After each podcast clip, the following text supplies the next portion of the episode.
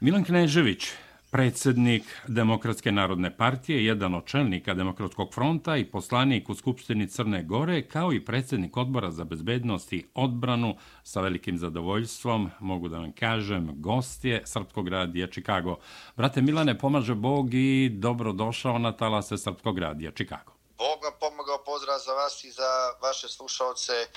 u Sjedinim američkim državama. Hvala, ja sam naravno na početku kad se uh, pominje brat, onda se ne persira, ali ćemo u nastavku da, da radimo zvanično. Dakle, gospodine Kneževiću, završen je sabor Srpske pravoslavne crkve za mitropolita Crnogorsko-Primorskog Srpske pravoslavne crkve, izabran je episkop Joannikije, a za episkopa Budimljansko-Nikšićkog dosadašnji vikarni episkop Dioklijski Metodije. Sabor je saopštio da nova vlast u Crnoj Gori na čelu sa Zdravkom Kriokapićem izbegava da potpiše već usaglašeni temeljni ugovor između Srpske pravoslavne crkve i države Crne Gore. I to bi bila konstatacija iz koje čovek ne bi mogao mnogo toga da zaključi. Ali ovom saopštenju prethodilo je nešto što se može nazvati skandal, izdaja, prosto čovek ne zna na koji način okarakterisati ono što je uradio crnogorski premijer Zdravko Krivokapić, odnosno premijer vlade Crne Gore. Pišu, izdao je svoj narod, izdao na stotine hiljada vernih i poštenih ljudi sabranih u jednu reč, u jedan zavet, ne damo svetinje i litije. Izdao je, dakle, duh litija, svetlost oslobođenog naroda, izdao je svece i vladike, mitropolitan Filohija, monaštvo i predane čuvare imena i sećanja Crne Gore. Šta je prethodilo završetku sabora? Molim vas za komentar. Prvo želim da još jednom čestitam izbor vladici Jonikiju za mitropolita Crnogorsko-Primorskog Srpske pravoslavne crkve i vladici Metodiju za vladiku Budimljansko Nikšićkog. Naravno, da... prostite i mi se, ja se pridružujem sa porodicom jer obojicu poznajem. Episkop Jonik je bio i gost na talasima Srpskog radija Čikago. Pridružujemo se i mi, naravno, iz Čikaga i okoline i Sjedinjenih američkih država. Oprostite, izvinite. Ne, išta, ja sam prepostavljao i znam da ovo što sam ja sad uradio kao jedan vid čestitke da se to podrazumijeva i da je to i vaš stav znajući vaše Tako odnose je. i sa vladikom Joanikijem i sa vladikom Metodijem i naravno sa blaženo počevišćim mitropolitom Amfilohijem. Dakle, izbor vladike Joanike za mitropolita je predstavljao jedan logičan slijed događaja i to niko nije dovodio u pitanje i bilo je potpuno nepotrebno da premijer Krivokapić napravi onaj skandal prije nekoliko večeri u Patrijarši i da se kroz jedno nedostojno ponašanje zajedno sa ministrom Spajićem predstavi u najgorem svijetu, ali što je još crnje, on je iznevjerio izbornu volju građana Crne Gore koji su mu 30. augusta dominantno dali glas zbog toga što smo se mi obavezali da ćemo donijeti novi zakon o slobodi vjeroispovijesti i pisati temelj ugovor sa Srpskom pravoslavnom crkvom. I sad ako čitate ovo saopštenje naše Srpske pravoslavne crkve, može, možete, može se steći utisak da je ono pisano negdje prije 3-4 godine kad je na vlasti bio Milo Đukanović jer gotovo da nema razlike ni u formulacijama ni u samom sadržaju. Mi nismo imali dilemu da Zdravko Krivokapić pokušava da izbjegne potpisivanje temeljnog ugovora i da je pod pritiskom određenih struktura, žalost, iz dijelova parlamentarne većine, ali iz određenih a, a, centara moći koji se nalaze u ambasadama u Podgorici, odustao od potpisivanja i da će odustati od potpisivanja temeljnog ugovora, pošto smatra da je potpisivanje sa Srpskom pravoslavnom a, crkvom jedan vid kršenja Ustava, jer i očigledno da je nečija namjera bila da se u taj ugovor ugradi i dio koji bi omogućio e, formiranje neke pravoslavne nove crkve ili e, CPC o kojoj je ranije govorio Milo Đukanović i koji se nalazi u njihovim pa, programskim dokumentima Demokratske partije socijalista od 30. novembra 2019. godine. Dakle, za nas nije ovo iznenađenje, kao što nije iznenađenje ni samo ponašanje premijera Krivokapića. Nažalost, radi se o čovjeku nesposobnom da obavlja funkciju premijera, to dokazuje iz časa u čas, a ne iz dana u dan i naprosto mi moramo u narednom periodu naći modalitete da kroz jedan ozbiljan i otvoren razgovor s njim odredimo dalje procese, a da zaštitimo izbornu volju građana Crne Gore, pošto je ovo nama neprihvatljivo. Milane, dakle, kada pomislimo ili kada pomislite da ništa ne može da vas iznenadi, onda vas demantuje premijer Zdravko Kriokapić, sedne u avion, ode u Patrijaršiju Srpske pravoslavne crkve, uceni Patrijarha, Sabor i Srpsku pravoslavnu crkvu. Onda, naravno, posle toga a, episkop je Nikije saopšti tražio sam od Krivokapića da potpiše temeljni ugovor, a ne da se meša u izbor mitropolita. Molim vas za komentar. Pa suština je u tome da su Zdravka Krivokapite dementovali i Patrijarh, i Vladika Ionikije, a i sam Sabor i Sinod Srpske pravoslavne crkve kroz različita saopštenja i ovo posljednje zvanično saopštenje koje je e, izdato nakon e, završetka sabora najbolje govori o tome da je Zdravko Kriokapić odavno izgubio podršku naše crkve i da će on u narednom periodu pokušati na svaki način da iskalkuliše ne bili što duže ostao na poziciji premijera, a da ne potpiše temeljni ugovor. Nažalost, ja moram da primijetim da se u poslednje vrijeme, kad god se pokuša izigrati izborna volja građana i naša trojčidanska zakletva koju smo dali 2019. godine da ćemo životima braniti svetinje imovinu Srpske pravoslavne crkve u Crnoj Gori, oni se pozivaju na a, pokojnog mitropolita Filohija kao da im je on dao amanet, kao da im je on saopštio da treba uraditi ovo ili ono i to govori o tome da e, je premijer Kriokapić i svi oni koji ste ovih dana sramno pozivaju na mitropolita Amfilohija potpuno izgubili kompas i u ljudskom i u duhovnom smislu i pokušavaju da se sakriju iza jednog čovjeka čije lik i djelo obilježio ovu našu borbu i konačno omogućio da pobjedimo na ovim izborima. Jedini amanet mitropolitan Filohija je bio da se zaštiti kanonsko ustrojstvo naše Srpske pravoslavne crkve u Crnoj Gori i kroz zakon o slobodi vjeroispovijesti i kroz temeljni ugovor. Zato iskreno, više kao vjerniku nego kao političaru, mi malo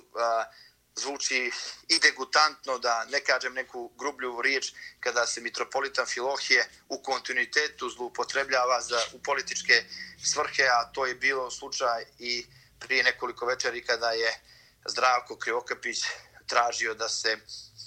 temeljni ugovor potpiše na Cetinju i to na dan smrti mitropolita Amfilohija, a evo dobio je jasan odgovor od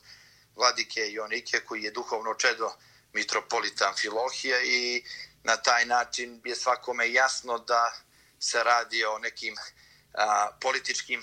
frazama koje su daleko od onoga što neko može da saopšti da je mogao da izjavi jedan vjernik. A gospodine Kneževiću, kako tumačite izjavu rektora Cetinske bogoslovije, sveštenika Gojka Perovića, da duboko veruje da je formulacija Sabora Srpske pravoslavne crkve da i nova crnogorska vlast izbegava da potpiše temeljni ugovor između Srpske pravoslavne crkve i države Crne Gore, proizvod jednog trenutnog i privremenog nesporazuma. O čemu se tu radi? Uloga sveštenika Gojka Perovića je vrlo, rekao bih,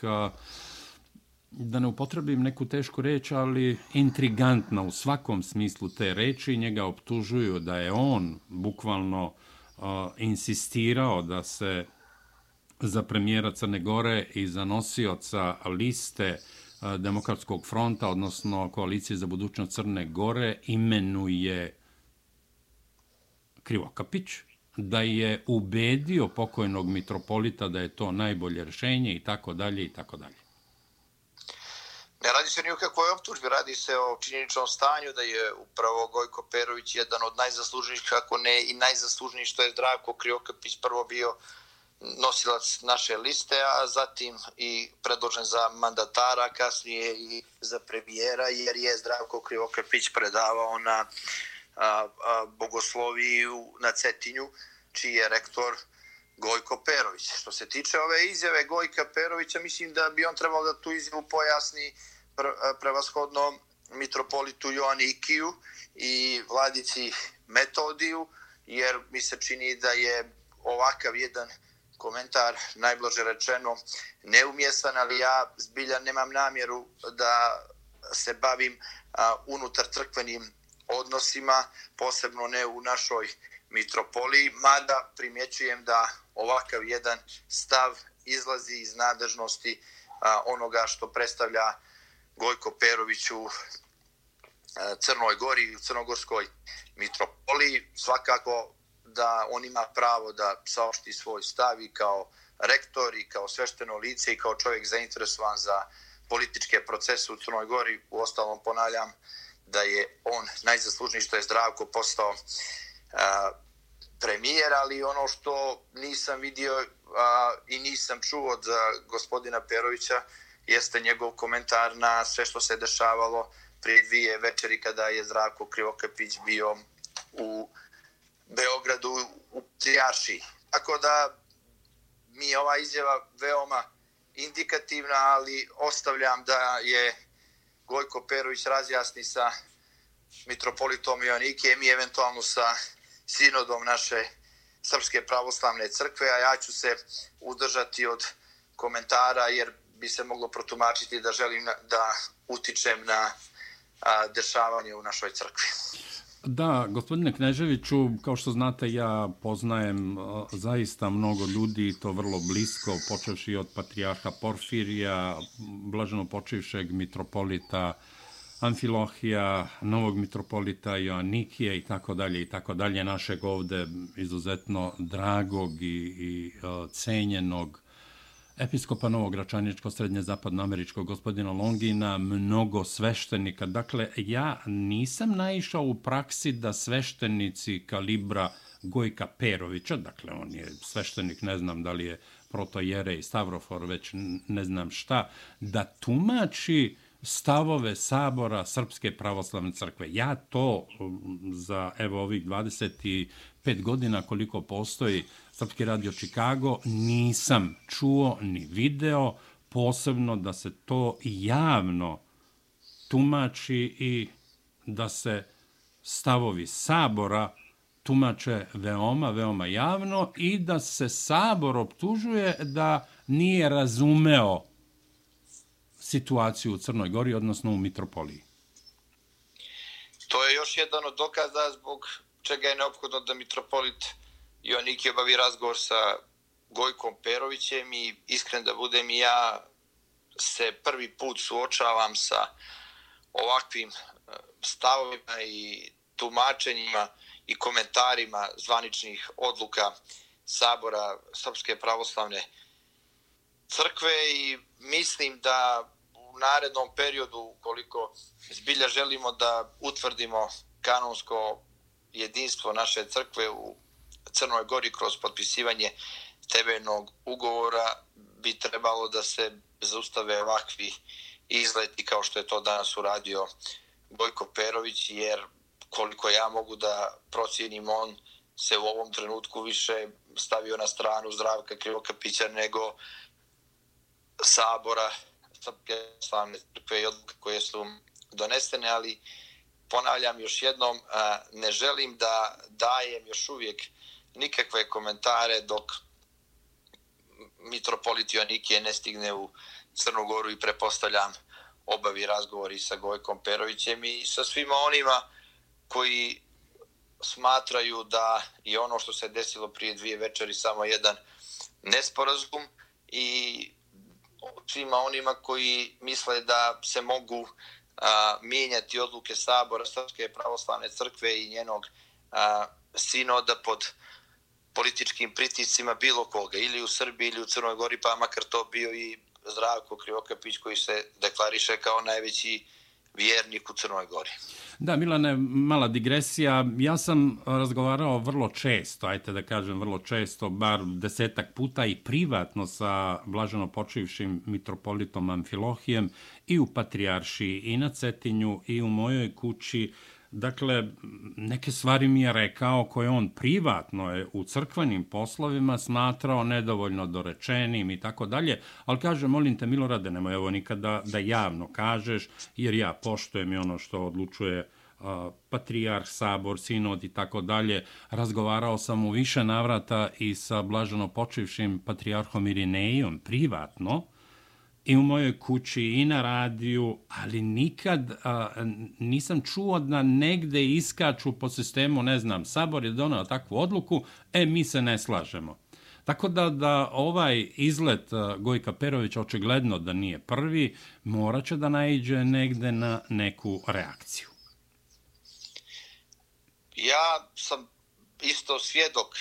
i ranijih nekih dešavanja na Saboru gdje se nekad i naš mitropolit nije slagao sa određenim odlukama, ali ih je i poštovao i zastupao i branio. I mislim da bi upravo taj model i djelovanja i funkcionisanja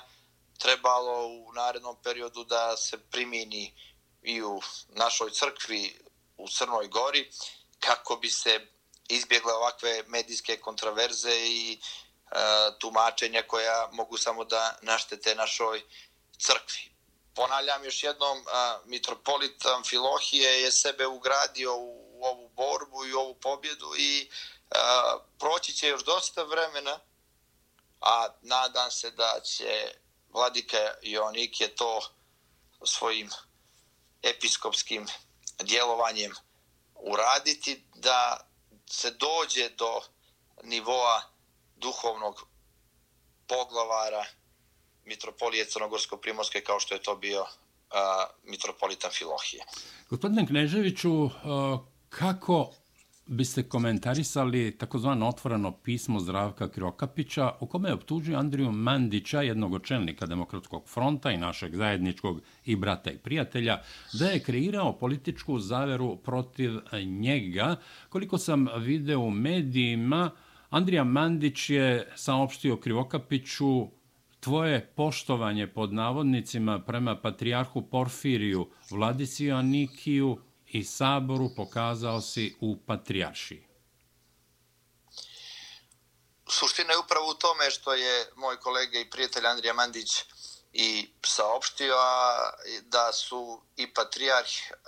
Porfirije i mitropolit Ionikije najbolje se odredili prema ponašanju Zdravka Krivokapića. Nažalost, premijer Krivokapić od samog početka funkcioniše u nekim teorijama zavjera gdje su se svi urotili protiv njega. A posebno su se urotili, kažem, po znacima navod, oni koji su najzaslužniji za to što je on postao premijer, oni koji su ga prihvatili da bude prvi na našoj listi, koji su se zadužili preko milion evra u kampanji za parlamentarne izbore kako bi Zdravko Kreokapić bio premijer, koji su radili na njegovom stylingu, na njegovom imidžu, koji su radili na njegovoj popularnosti na društvenim mrežama, koji su mu pisali govore, koji su ga učili a, medijskom ponašanju za vrijeme kampanje i sad su odjednom postali njegovim arhi neprijatelji. Nažalost, Zdravko Kriokapić sa nama nema nikakvu komunikaciju, iako ga podržavamo u Skupštini Crne Gore, a ja sam ga predložio i za mandatara. Tako je, Milane, i, se... oprostite samo da dodam da je Andrija Mandić svoje mesto prvog to na koalicionoj listi ustupio Krivokapić. Andrija, Andrija Mandić je mjesto prvo koje pripada njemu i novoj srpskoj demokratiji po našim koalicijonim dogovorima i odnosima, dao Zdravku Kriokapić, on je pošao na 81. mjesto. I sad nije niti poslanik, niti se nalazi u vladi, niti a, lamentira nad svojom sudbinom. Ali je suština u tome da je premijer Krivokapić bukvalno prekinuo svaki vid komunikacije sa nama pod pritiscima, prepostavljam, određenih neformalnih centara moći u Crnoj Gori koji su uključeni u raznorazne tranzitne poslove i naravno jednog dijela parlamentarne većine i kao posljedicu toga imamo da se premijer Krivokapić od 4. decembra više puta zvanično sreo sa Milom Đukanovićem nego što se sreo sa liderima parlamentarne većine ili liderima demokratskog fronta koji su ga doveli na ovu poziciju. Svaka afera koja se dešava u Crnoj Gori je isključivo rezultat Krivokapićeve nesposobnosti i nespremnosti da na pravi način obavlja a, funkciju premijera i onda je logično da su mu svi drugi krivi. Vjerovatno bi neko i povjerao zdravku Krivokapiću da se odmah nisu oglasili i patrijar Porfirije i mitropolit Ionikije i jasno se odredili prema onom skandalu i nepoštovanju koji je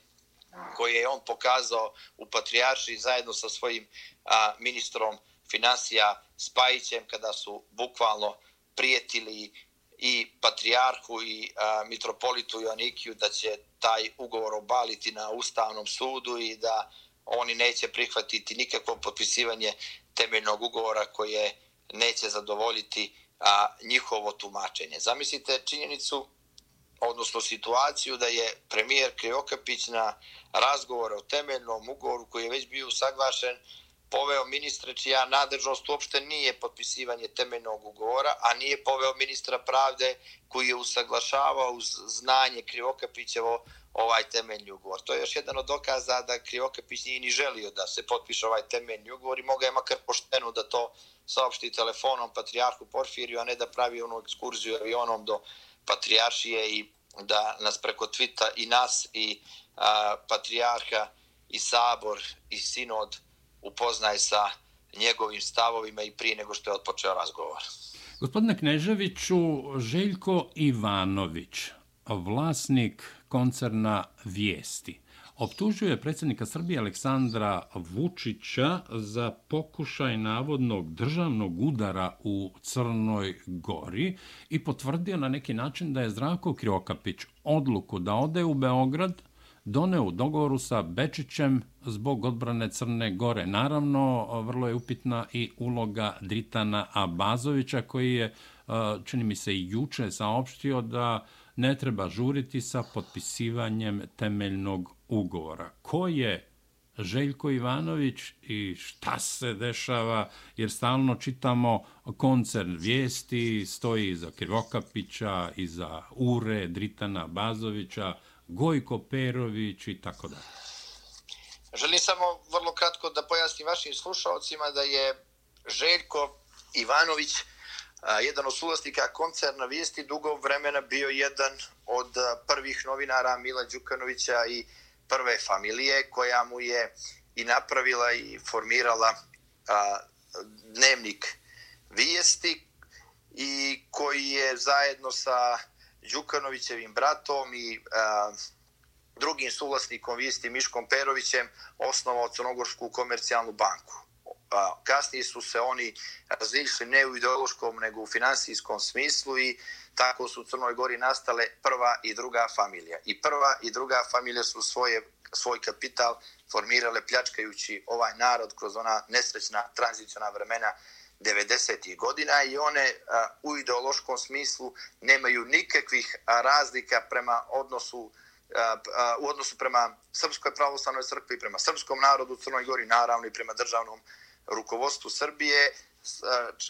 koristeći u kontinuitetu sadržaje o ugroženosti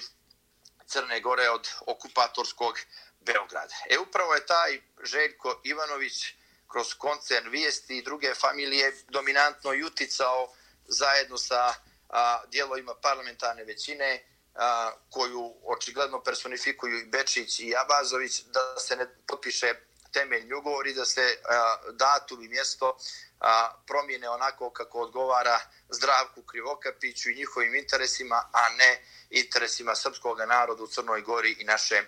a, crkve. Dakle, Željko Ivanović kao jedan od eksponenata druge familije samo želi da zauzme status prve familije i da dođe samo do a, promjene finansijskih a, a, odnosa u, u Crnoj Gori, a da u ideološkom smislu sve ostane isto. I zbog toga se on i grčevito ovih dana oglašavao, a, kukajući nad sudbinom Crne Gore i proglašavajući Zdravka Kriokapića kao nekog spasioca jer je izbjegao potpisivanje temeljnog ugovora. Nažalost, vjerovali ili ne, Željko Ivanović je čovjek koji je rođen u Kraljevu. Ne, dakle, čovjek u Kraljevu? Koji, tako je, čovjek koji je rođen u Kraljevu, ali toliko voli Crnu Goru da a, smo mi, a, narodski rečeno, mala djeca za njega čiji a, su i djedovi, prađedovi, i praprađedovi, čukun djedovi ovdje rođeni u Crnoj Gori. Naravno, na taj način ne smatram da neko ne može voliti Crnu Goru ako nije rođen u Crnoj Gori, ali tolika ljubav Željka Ivanovića, e, Kraljevčanina e,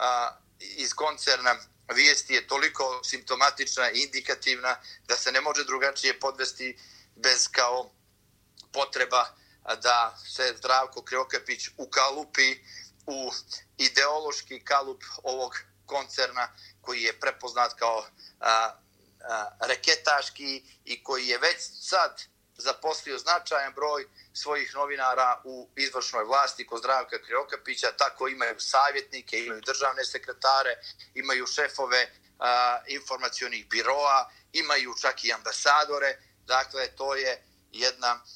a, koncernsko-kriminalno-koruptivna skupina koja nikad nije smjela sam da izađe na izbore pod svojim imenom i prezimenom, ali je redovno od izbora do izbora formirala neke partije, kao što je nekad bila pozitivna Crna Gora Darka Pajovića, koja je bila ruka spasa demokratskoj partiji socijalista u nekim ranim periodima vezano za Nikšić i za a, državni nivo. Sad su u značajnoj mjeri pomagali pokret Drita Nabazovića i E,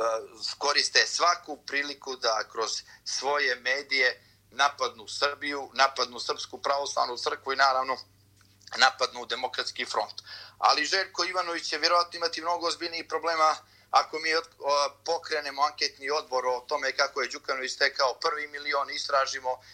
špekulativne poslove njegove prve familije sa drugom familijom i uvjeren sam da će građani Crne Gore biti veoma iznenađeni kada se bude otkrilo šta sve druga familija posjeduje u Crnoj Gori i van Crne Gore, a posljedica je nekih poslovnih aranžmana sa Milom Đukanovićem.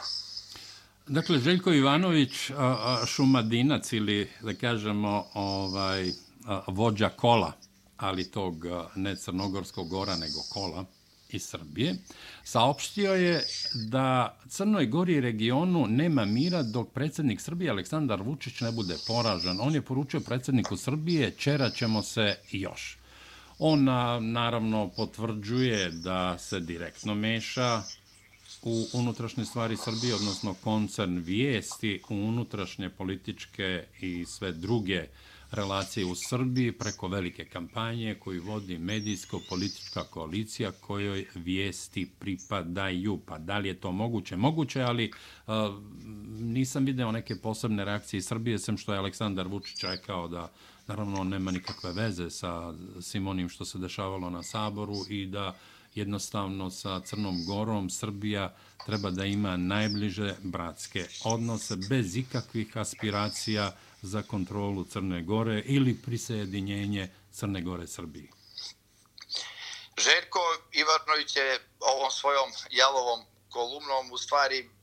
više razotkrio jedan, čini mi se, regionalni plan koji postoji već duže vremena, to je da Crna Gora bude jedna od platformi koja će biti usmjerena protiv Aleksandra Vučića i državnog rukovodstva Srbije u susret predsjedničkim izborima i izborima u Beogradu. I to je sad više nego jasno, sklapaju se ove regionalne kockice i lako se uočavaju pojedini centri moći koji su na Balkanu i koji žele da dođe do a, razbijanja tog jedinstva srpskog naroda koje se zaokružilo našom pobjedom 30. augusta u Crnoj Gori. I neophodno je da Zrako Kriokapić svjesno ili nesvjesno kroz određene medije i ove, tako da kažem, filtrirane Srbe po Soroševim standardima otpočnu tu kampanju koja ima za cilj predsjedničke izbore 2022. godine i izbore za gradonačelnika Beograd. Tako da tu više i nema nekih tajnija Željko Ivanović što uh, se tiče njegovog intelektualnog kapaciteta i, i spremnosti da se sa nekim cijera, vjerujte to, sve ostaje u tim njegovim kolumnama koje više nikoga i ne zanimaju osim što imaju neki a, sociopatološki sadržaj u kojem on otkriva svoje planove i planove onih koji ga iznajmljuju i rentiraju, pošto se radi o čovjeku koji mnogo voli novac. Mi smo tom njegovom koncernu i prethodnih izbora dali preko 500.000 evra, čini mi se, i izborim, u izborima 2016. također oko nekih 500.000, a u nekim međufazama desetini, desetine hiljada evra. I mi znamo kako funkcioniše Željko Ivanović. Naprosto se radi o čovjeku koji je spreman za novac da uradi sve i komu da više novca, on će zastupati te stavove kao što je to uradio i juče. Gospodine Kneževiću, Ivica Dačić, bivši ministar spoljnih poslova Srbije, sada aktuelni predsjednik Skupštine Srbije, jutro se je izjavio da Srbija nema nikakve aspiracije kada je u pitanju Crna Gora u smislu prisajedinjenja, uticaja na politička kretanja, unutrašnja politička pitanja i da jednostavno optužbe kako Srbija hoće da okupira Crnu Goru ne stoje, ali je rekao nešto što je a, intrigantno, posebno što to ponavlja više puta, izvinjavajući se svim časnim ljudima iz Crne Gore, bez obzira da li su Srbi, da li su Crnogorci, Bošnjaci ili Šiptari, odnosno Albanci da je u stvari Beograd okupiran od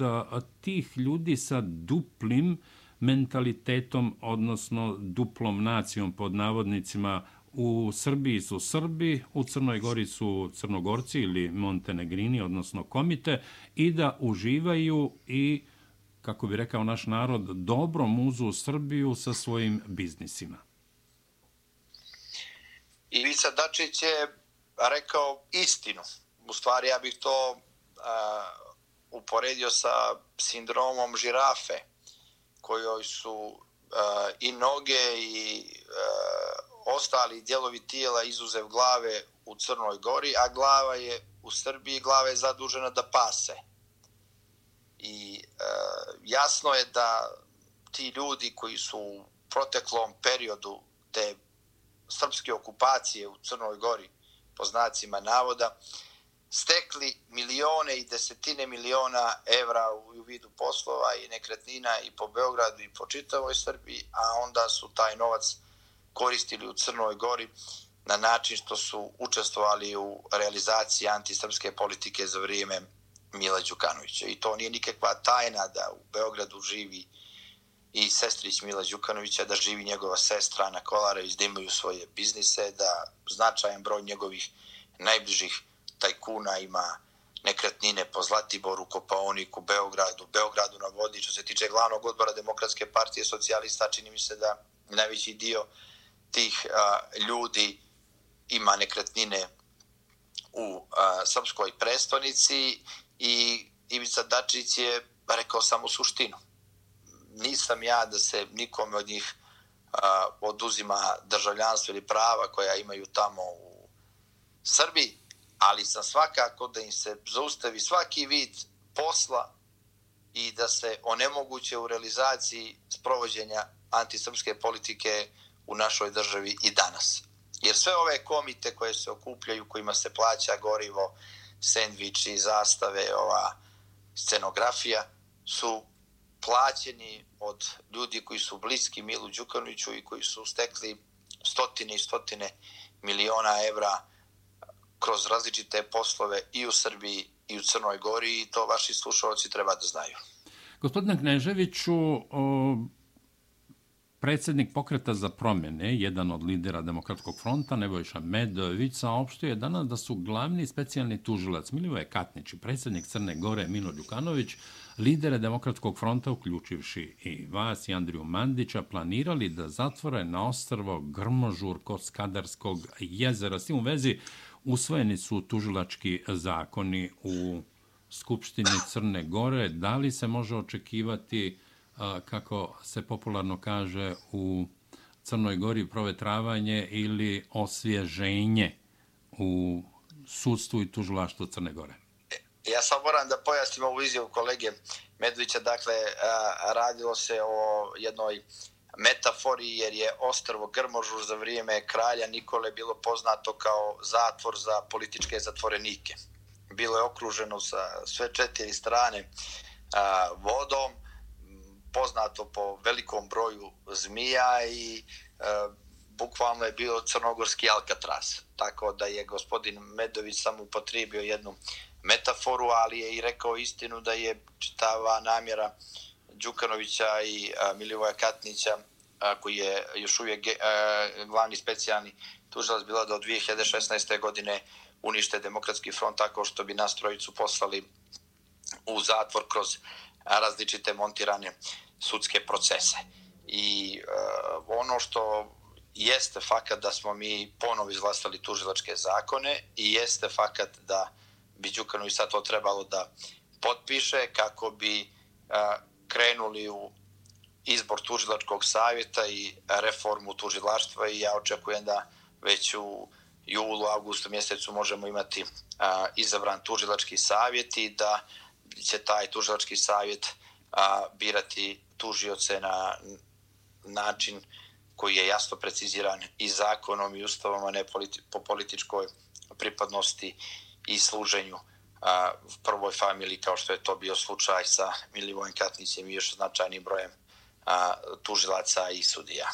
Gospodine Kneževiću, pri kraju smo našeg razgovora. Upravo smo dobili a, portal Borba piše da su Zdravko i Milojko, ja samo da citiram, a, podržali pod navodnicima Đukanovićeve obstrukcije vraćanja zakona o tužilačkih zakona Vlada je budžetom za Milove potrebe izvojila 782.000 evra. Da li su novac za Miga Stjepovića i Veselina Veljovića, iako je e, cifra smanjena sa, za neki 400.000 evra, ne oduzima se taj čuveni Majbah. O čemu se radi? Imate li ikakav uticaj vi iz vladajuće većine na odluke vlade? Pa ovaj budžet koji je predložen jeste konstrukcija ministra Spajića koju nije podijelio sa onima koji treba da ga izglasaju, to je sa poslanicima. I mi u ovom trenutku imamo ozbiljnu parlamentarnu krizu jer tražimo da razgovaramo sa Drakom Kriokapićem i sa ministrom financija ukoliko smatraju i ukoliko mi sećamo i da podržimo ovaj budžet. U svakom slučaju, vidjeli ste i kroz ove cifre, iako se radi o recesijonom budžetu, da je Đukanović zadržao ogromna sredstva u svom aparatu kako bi nastavio sa ovom obstrukcijom koju na dnevnom nivou sprovodi protiv srpskog naroda, jer posjetit ću vas, on je odbio da potpiše a, nalog za a, ambasadore a, Želi Dragan Nikčević i Budimir Aleksića zato što su klasali 2006. godine za zajedničku državu sa Srbijom, a da ne govorimo o obstrukcijama nepotpisivanja i zakona o slobodi i evo sada i zakona o tužilaštvu, a sama činjenica da su u njegovom kabinetu Veselni Veljović i Migo Stipović najbolje govori koliko je osvježilo i koliko naša vlada ima jedno a, a, veliko hrišćansko razumijevanje da i dalje pomaže one koji pokušavaju na svaki način da a, unište tekovine 30. avgusta. Kada je u pitanju taj Maybach, nema tu gospodine Ravas i nikakve misterije, oni naprosto ne smiju oduzeti taj automobil Đukanoviću i oni su svjesni te činjenice i to je samo bila marketiška priča kao što je bio i onaj dolazak uh, taksijem na uh, prvog dana posla Zdravka Kriokapića u zgradu vlade, ali evo prvog dana taksijema, ne znam, 150 i nekog dana avionom u a, Beograd kako bi se izvikao na patrijarha, na vladike i na sabor i saopštio da neće potpisati temeljni ugovor. Dakle, razočarenje za razočarenjem, što se mene tiče, ja sam ovo upozoravao mnogo ranije, tada sam bio optužen da sam demon, da sam izdajnik, da radim sve da se vrati Milo Đukanović, čak su pokušali da me posveđaju sa mitropolitom Afilohijem i sa vladikom Ionikijem, zato što sam srčano branio svoje stavove koje sam spreman i danas da branim, ali evo, vrijeme je majstorsko rešeto pa pokazuje ko se stvarno borio za interese onih ljudi koji su nas glasali 30. augusta koje je sve to izdao. A kad pominjate temeljni ugovor, možda je dobro, evo pri kraju da kažemo da je mitropolit Porfirije bio spreman da dođe u Crnu Goru na potpisivanje. Trebalo je to da se desi pre Vaskrsa, pa posle Vaskrsa. Dakle, apsolutno je bila izražena spremnost patrijarha Porfirija da dođe i da u Crnoj Gori potpiše taj temeljni ugovor, ali je i to izigrano i naravno to se zaboravlja, pa se piše kao Crna Gora je država, e, prosto ljudi koji ne razumeju celu situaciju kažu zašto da ste to potpisaju patrijarši i tako dalje i tako dalje. Temeljni ugovor je bio usaglašen već u aprilu mjesecu, ali je Zdravko Kriokapić intenzivno izbjegavao njegovom potpisivanje. Posjetit ću vas da je negdje polovinom aprila ili a, nešto ranije, kada sam ga ja prozvao, saopštio da je sve to usaglašeno sa patrijarhom Porfirijem i da će taj ugovor biti potpisan odmah posle vaskršnjih praznika. Nakon vaskršnjih praznika rekao je da ipak nije sve usaglašeno i da a, postoje dvije, tri odredbe koje nisu u skladu sa Ustavom Crne Gore, a onda je opet saopštio da je sve dogovoreno i da mi ne treba da brinemo, pa je prije 3-4 dana na premijerskom satu meni saopštio želili ste da me predstavite kao izdajnika, aludirajući da smo mi mislili da on neće potpisati temeljni ugovor, a on je saopštio da će potpisati temeljni ugovor i vjerojatno on tog trenutka kada je to meni saopštio stvarno mislio da će potpisati temeljni ugovor, međutim nekoliko sati kasnije kada su otpočeli pritisci na njega, on je odbio da potpiše taj temeljni ugovor, a znam da je patrijarh Porfirije bio spreman da dođe u Crnu Goru odmah posle vaskršnjih praznika ili za vrijeme vaskršnjih praznika da potpiše temeljni ugovor. I posebno je interesantno činjenica koju želim da podijelim sa vašim slušalcima da je temeljni ugovor sa islamskom a, vjerskom zajednicom koju je potpisao a, a, Arifat a, a, Fejzić a, i e, Igor Lukšić sadrži da taj, da taj temeljni ugovor sadrži elemente da se za svaka e, za svake ne, za svake nesporazume a, i eventualne sporove vezano za između islamske vjerske zajednice i države Crne Gore su nadležne najveće vjerske institucije, ali u Istanbulu. Ne u Crnoj Gori, nego u Istanbulu.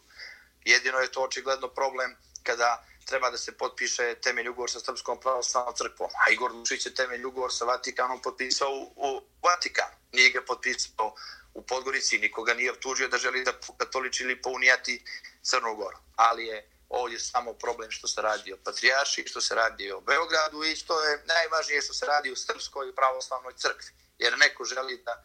od ove naše Srpske pravoslavne crkve u Crnoj Gori napravi nekakvu CPC ili nekakvu pravoslavnu crkvu i da krene u neku autonomiju i ukrajinski scenariju, ali vjerujte da mi to nećemo dozvoliti po cijenu pružanja velikog otpora. Gospodine Kneževiću, na samom kraju, Vladimir Leposavić, ministar pravde u vladi Crne Gore, Zdravko Kriokapić traže njegovu smenu. Šta će se desiti u Skupštini Crne Gore? Da li će smena biti izlazana sa opozicionom demokratskom partijom socijalista Mila Đukanovića, jer su i demokrate, a i demokratski front uz SMP saopštili da neće podržati smenu Vladimira Leposavića. Demokratski front neće podržati smjenu Vladimira Leposavića, ministra pravde, ne zato što imamo nekakve personalne simpatije prema njemu, već naprosto što smatramo da ono što je on saopštio nije razlog zbog čega bi bio smijenjen, jer se kroz njegovu smjenu a, jasno pokušava a, predstaviti, implicirati da su Srbi genocidan narod i da svaki 5-6 godina treba a, da se samo priznajemo kao genocidna a, genocidan narod ili da Republika Srpska se predstavi kao genocidna tvorevina. Zdravko Kriokapić može da smini sa Demokratskom partijom socijalista ministra Leposavića, ali je jasno da onda više ne bi mogao da ima legitimitet koji je dobio od nas, a što se tiče e, činjenice da Demokratska partija socijalista u ovom trenutku e, bojkotuje Skupštinu Crne Gore, jasno je da smjena ministra Leposavića nema podršku u parlamentu, a onda bi Zdravko Kriokapić trebao da se suoči sa novom realnošću, to je da ako ministar Lepostavić ne bude sminjen, on će imati ozbiljnih problema i pitanje njegovog daljeg opstanka na mjesto premijera vlade se dodatno problematizuje, jer ukoliko ne bude smijenjen ministar čiju traži smjenu, jasno je da bi onda Drago Kroka bi trebao da povuče određene poteze. Gospodine Kneževiću, najavljivala se i rekonstrukcija vlade Crne Gore, o tome je govorio i sam Zdravko Krokapić. Zdravko Krokapić o mnogo čemu govorio, a na kraju se desilo kao i uvijek. Tako da je to što on e, saopšti pod velikim znakom pitanja, ali rekonstrukcija vlade ili izbor nove vlade od dijelova ove parlamentarne većine su, čini mi se, neminovni i bez obzira na razlike koje imamo sa premijerom Krivokapićem, vjerujte, ja najiskrenije mislim da ovo nije za njega i da on nije dorastao ovoj poziciji i da bi on trebao da prihvati tu realnost i da iz te realnosti nađemo modalitete kako bi sačuvali izbornu volju građana od 30. augusta. Gospodine Kneževiću, hvala vam što ste odvojili vaše vreme i govorili za Srpski radio Čikago. Hvala i vama, pozdrav za vas i za vaše slušalce. Hvala, pozdravite sve naše zajedničke prijatelje, pozdravite vašu majku, budite dobro i čuvajte se. Hvala vam, veliki pozdrav, živjeli. Hvala, prijatno.